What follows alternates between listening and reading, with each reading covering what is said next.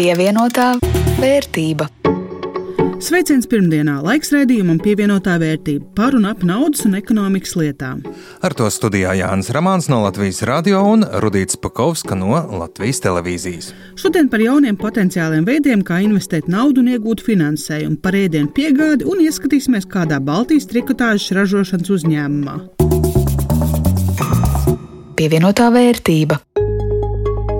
Par aktuālo runājot, domāju, jāsāk ar labo ziņu zemnieciskās darbības veicējiem, un ne tikai satversmes tiesa lēma, ka iedzīvotāju ienākumu nodokļu piemērošana zemnieciskās darbības veicējiem neatbilst satversmei. Atceltās normas paredzēja, ka mazajiem uzņēmējiem, kuri noteikti apstākļu dēļ nespēj strādāt ar peļņu, tomēr ir pienākums maksāt iedzīvotāju ienākumu nodokli. Laba ziņa ne tikai saimnieciskās darbības veicējiem, bet visiem nodokļu režīmiem, nu, jo īpaši spēcīga atziņa no satversmes tiesas, kuras skaidri pasaka, rodas iespējas, ka likums Latvijā raksta domājot par likuma nepaklausīgajām personām, tajā pašā laikā padarot tos grūti saprotams un izpildāms likuma paklausīgajiem pilsoņiem. Jācer, ka šīs atziņas lieliem burtiem tiks izdrukātas un rotās valsts ierēģiņa darba telpas, vai arī nu, skanēs kā piemēram modinātājs zvans no rītiem. Dzīve paliek dārgāka, to grūti nepamanīt. Pārtikas cenas pērn ir sasniegušas pēdējos desmit gados augstāko līmeni, tā ziņo ANO pārtikas un lauksaimniecības organizācija. Būtiskākais cenu kāpums pērn ir augu eļļām par 66%, graudu cenas par 27% uz augšu, piens 17% dārgāks, gaļai 12% kāpums. Ja nu pie strauja elektrības cenu lēcienu un rekordiem nesen atcerējos, ka pirms desmit un vairāk gadiem Baltijas valstu premjera regulāri tikās, lai runātu par kopīgas atomelektrostacijas būvniecību. Nu, kas kā liela daļa šo tikšanos beidzās ar neko.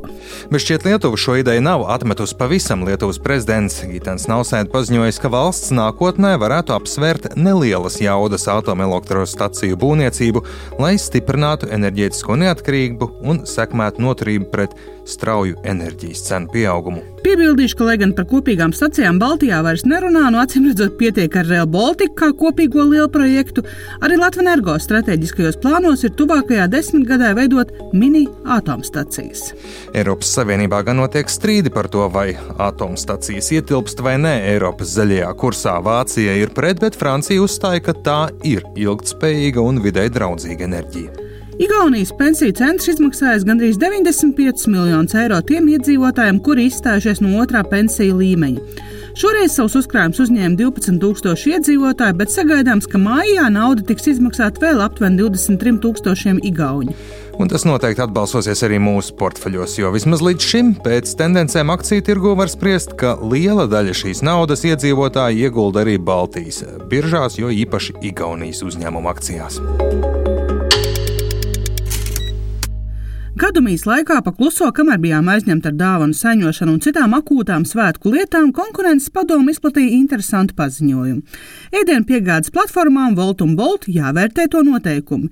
Nu, tas ir vai komisijas maksas nav neadekvāti augstas, vai akcijas ir saprātīgas, eh, vai plēja piegādes platformas, kuras pandēmijas dēļ daudziem uzņēmumiem kļuvušas grūti aizvietojamas, neizmanto šo savu jauniegūto tirgus varu nepamatoti. Kā tad tur īsti ir? Es jautāju Jānim Jēnzim no restorāna asociācijas, un pirmais mans jautājums bija, cik būtiski tirgu ir šie piegādātāji?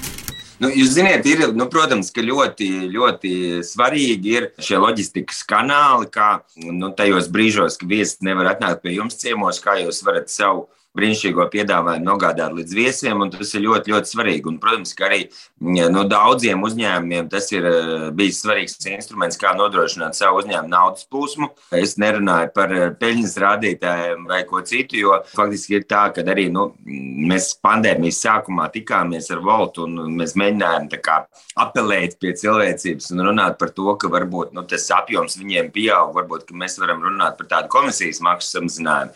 Bet nu, mums tā saruna tā līdz galam neizdevās, un, un viņa biznesa ir biznesa, un, un viņiem kā reiz šī pandēmija ir iespēja paplašināt savu biznesu. Bet, protams, ka šī sadarbība ir, ir svarīga no tā aspekta, ka tiešām es uzskatu, ka daudziem uzņēmējiem ir bijusi iespēja strādāt arī tajos brīžos, kad eh, ēdiens ir atļauts ēdienu pasniegt tikai līdzņemšanai vai piegādēm uz mājām. Kā ir nozarē, vai arī nozarē ir tā, ka nu, nu, tas viņu svars ir tik liels, ka nu, viņu veidā vai nekā.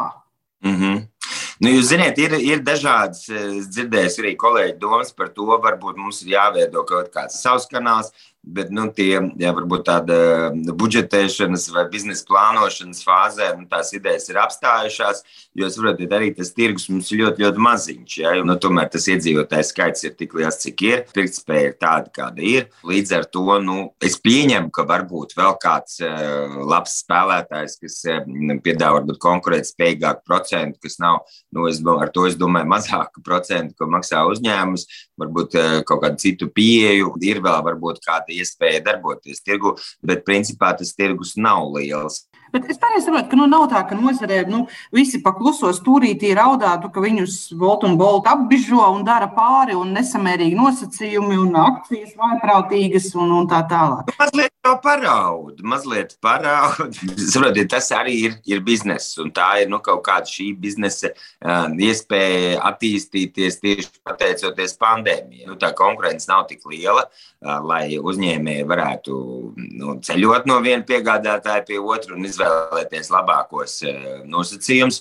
Tā kā, nu, tur, tādā ziņā es varu piekrist konkurences padomē, ka nu, faktiski nu, tādas lielas konkurences šajā segmentā nav. Nu, nu, nu, tad, ja, ja mūsu pieminētais šis trešais spēlētājs būtu, kas nākt varbūt ar ja, zemāku komisijas procentu, tad varbūt tā situācija arī labvēlīgāk kļūtu uzņēmējiem.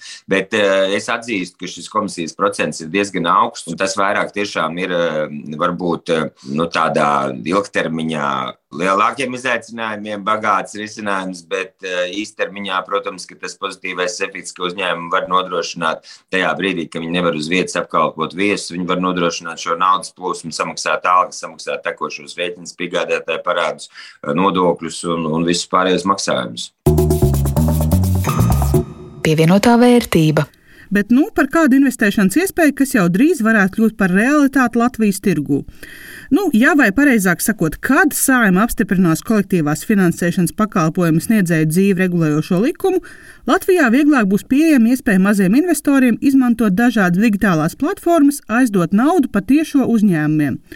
Ar ko tad šī iespēja atšķirās jau no esošajām aizdevuma platformām, piemēram, Mintus un tā tālāk? Šajā uh, kolektīvajā finansēšanā notiek tiešie aizdevumi. Investors patiešo aizdod uzņēmējiem. Uh, jūs minētajās platformās ir pretēji. Tur šie kredīti tiek izsniegti ārpus platformas, bet investori investē jau izsniegto kredītu prasījumu tiesībās. Es teiktu, ka esošie modeļi ir daudz sarežģītāki un uh, investoriem kā teikt, ar augstāku risku jāuzņemās. Tā skaidro Ingus Valtiņš no Finanšu un Kapitāla tirgus komisijas. Un, lai gan sistēma sāks darboties, kad sājuma pieņems likumu, potenciālie platformu veidotāji un uzturētāji jau tiek aicināti nākt un runāt par prasībām un nosacījumiem. Interesi jau esot. Ir gan tādi, gan, kas nogaidoši skatās, ir gan tādi, kas ir pie mums jau atnākuši. Ir jau vairāki pretendenti, kuri ir uzsākuši šo pirmsdarbības atļauju saņemšanas procesu. Un, uh, mēs ceram, ka tiklīdz būs šīs nacionālais likums, tad uh, būs viss kārtas salikušās tā, ka visi iesniegtie dokumenti atbildīs prasībām un varēsim izsniegt darbības atļaujas. Bet, protams, ir arī tādi, kas nogaida. Jautāju Ingūram Valtiņam, kam teorētiski domāts šāds finanšu sistēmas jauninājums? Jaunu uzņēmumiem, jeb fintekiem un vidējiem un maziem un vidējiem uzņēmējiem. Un jaunu uzņēmumiem šis biznesa modelis vairāk tiek piesaistīts kapitālā. Tie, kas ir vidējais, ir mazi uzņēmumi, tie vairāk piesaista šo finansējumu caur aizņēmumiem. Un katra platforma, principā, tad, kad uzsāk savu darbību, nosaka savu klientu loku. Nu, pieņemsim, viena platforma strādās ar zemniekiem, otra ar būvniekiem, un trešā izvēlās kaut kādu savu citu kategoriju. Īsāk runājot, Top interesants veids, kā paplašināt ieguldījumu un arī biznesa attīstības iespējas. Starp citu, prasības platformām var atrast Finanšu kapitāla tirgus komisijas mājaslapā, un kā sola viņi paši, tur esot izskaidrots vienkāršāk nekā sarakstīts Eiropas Savienības regulā. Pievienotā vērtība.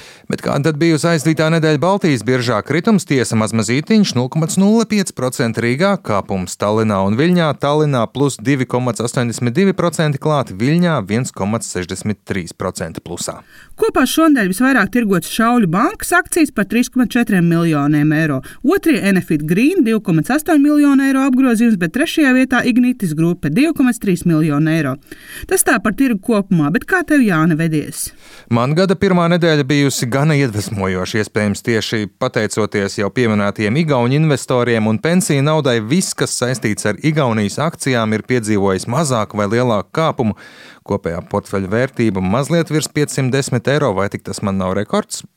Tā kā vienojamies atvērt visu Baltijas tirgu bez konkrētas sadalījuma, nedēļas izskaņā nopirku Lietuvas investīciju kompānijas Inval Technology akcijas. 22 eiro tur iestādīti, cerams, ka tie labi augs.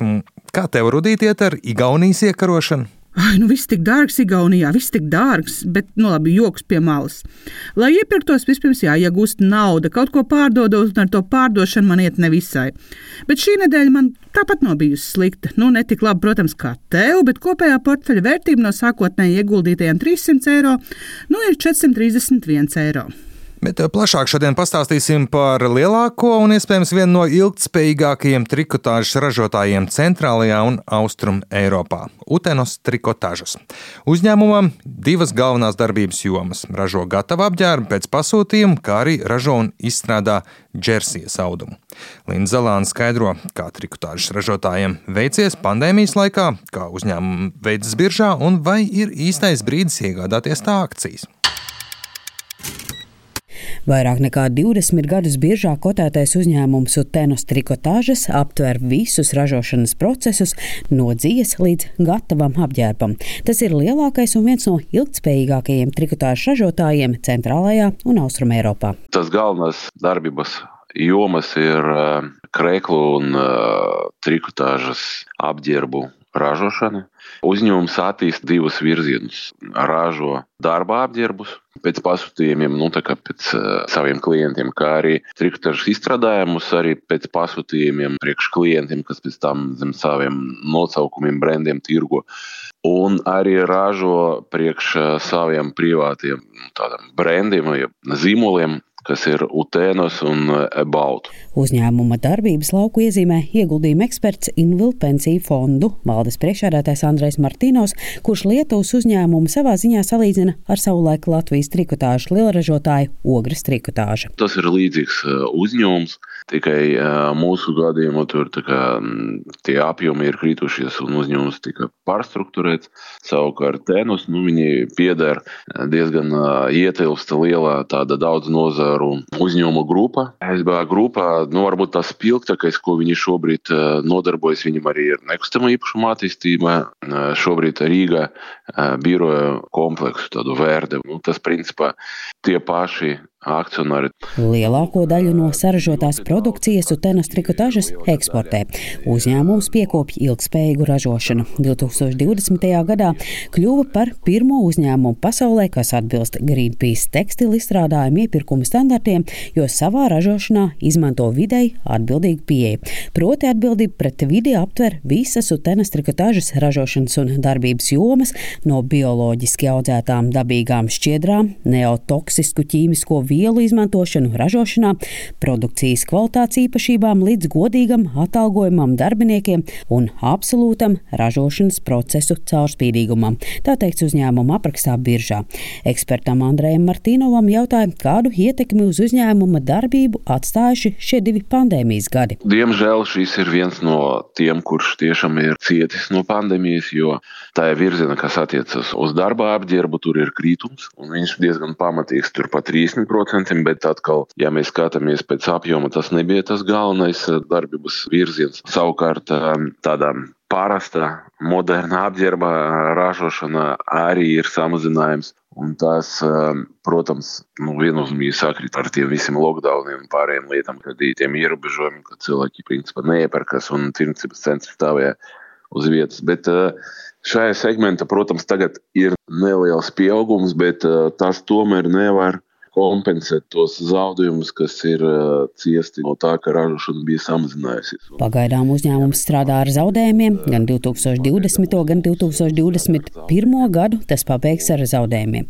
Eksperts prognozē, ka uzņēmums atkal spēs nostāties uz kājām un nākotne tam var būt pozitīva. Protams, ja mēs skatāmies uz resursu sadradzinājumu un tādam lietam, nu, ja tas uh, notiks, tikai Eiropas līmenī, jo mēs redzam, ka tas samazinājums nav vienmērīgs visā pasaulē. Tad, principā, jā, tad varbūt tā konkurētspēja ar citiem pasaules ražotājiem, it sevišķi ar Ķīnu, nu, viņi varētu samazināties. Bet nu, tas arī parādās ne tikai atspoguļojas ne tikai finanšu rādītāji, bet arī akciju cena biržā. Un, uh, diemžēl uzņēmums nevar lepoties ar pozitīvu dinamiku pēdējos gados. Vai ņemot vērā faktu, ka uzņēmums pēdējos divus gadus strādājis ar zaudējumiem un arī biržā ar augšu pejošiem rādītājiem, nevar lepoties, ir vērts iegādāties utenes trikotāžas akcijas. Teiktu tā, ka jā, pirkt, tad principā nu, kaut kādu tagad. Jā, jo īstais brīdis, ja mēs gribam uzņemties risku, kā uzņēmums atkopsies, un tā vide un eksporta tirgi būs ļoti pozitīvi. Nu, resti, ja mēs gribam noķert šo Covid atkopšanas efektu, tad tas ir jādara šobrīd. Tomēr tikpat labi var būt arī tāds scenārijs, ka uzņēmumam neizdodas atkopties vai pandēmija ieilgst. Bet kopumā pēc eksperta domām šis ir viens no tiem uzņēmumiem, kura akcijas ir vērts iegādāties lejupslīdes laikā, lai pēc tam nopelnītu. Linda Zalāne, Latvijas radio. Ar to arī izskan šīs nedēļas raidījums pievienotā vērtība. To veidoja Rudīts Pakausks no Latvijas televīzijas un Jānis Ramāns no Latvijas radio. Par skaņu rūpējās Renārs Šteimanis. Atgādināšu, ka šo un citus raidījumus var atrast Latvijas radio arhīvā un populārākajās raidierakstu vietnēs. Uz tikšanos pēc nedēļas!